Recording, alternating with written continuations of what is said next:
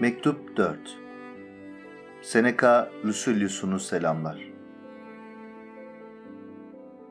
Her gün acaba yaşamı soğukkanlılıkla nasıl bırakabilirim diye düşün.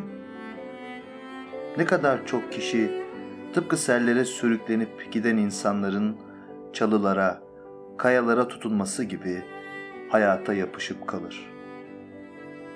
Çok kişi ölüm korkusuyla yaşamın işkenceleri arasında mutsuz, çalkalanıp durur. Ne yaşamak ister, ne ölmeyi bilir. Yaşamın için türlü endişeler duymaktan vazgeç de onu tatlı bir hale koy. Hiçbir nimet insanın ruhu onu yitirmeye hazırlıklı değilse sahibine mutluluk vermez.'' Yokluğu aranmayan bir eşyanın yitirilmesine de kolaylıkla katlanır insan.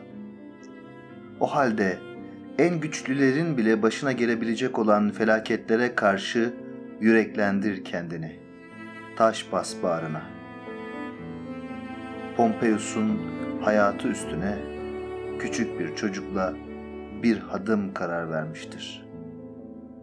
Krasus'unkine haşin, küstah bir part.'' Caligula, Lepidus'a tribün Dexter'in önüne başını uzatmasını buyurdu. Kendisi de başını Kaeryas'ın önüne uzattı. Kader insanı bağışladığı bir nimeti isterse birer tehdit haline getiremeyeceği kadar yüksek bir yere eriştirmemiştir. Şu sözde durgunluğa güvenme. Bir anda alt üst verir deniz.'' Gemiler neşe içinde sularla oynaştıkları gün yutulurlar sulara. Bir düşün hele, bir eşkıya, bir düşman, kılıcını boğazına dayayabilir senin. Daha güçlü olmasını bir yana bıraksak bile her kölenin senin hayatın ölümün üstünde söz hakkı vardır. Demek istediğim şu. Hayatını hor gören herkes senin hayatının efendisi kesilir.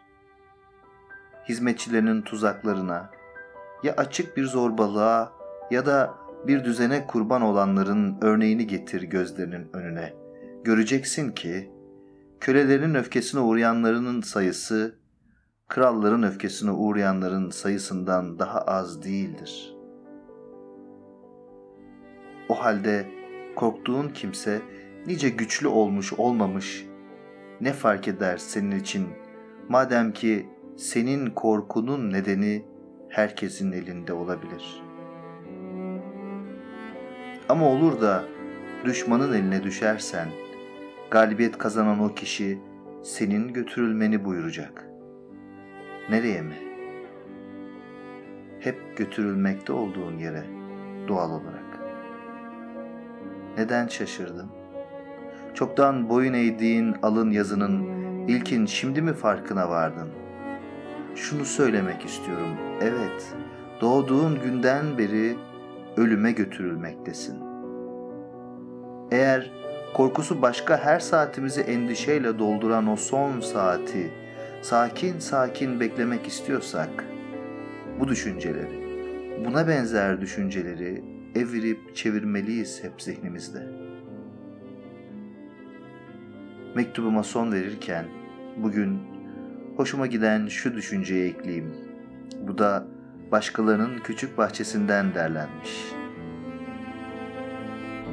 Doğanın koyduğu yasaya göre ayarlanmış fukaralık büyük bir zenginliktir. Doğanın o yasası bizi nelerle sınırlamıştır?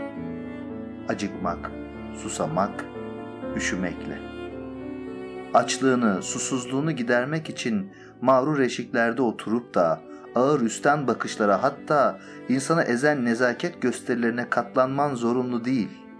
Denizlere atılman, karargahlarda dolaşman da zorunlu değil. Doğanın istediği şeyler sağlanabilir şeylerdir. Elinin altındadır. Boş şeyler için ter döküyoruz biz. Hani togamızı aşındıran, bizi bir çadır altında kocamaya zorlayan, yaban kıyılara uğratan o boş şeyler için. Bize yeten kadarı elimizin altında zaten.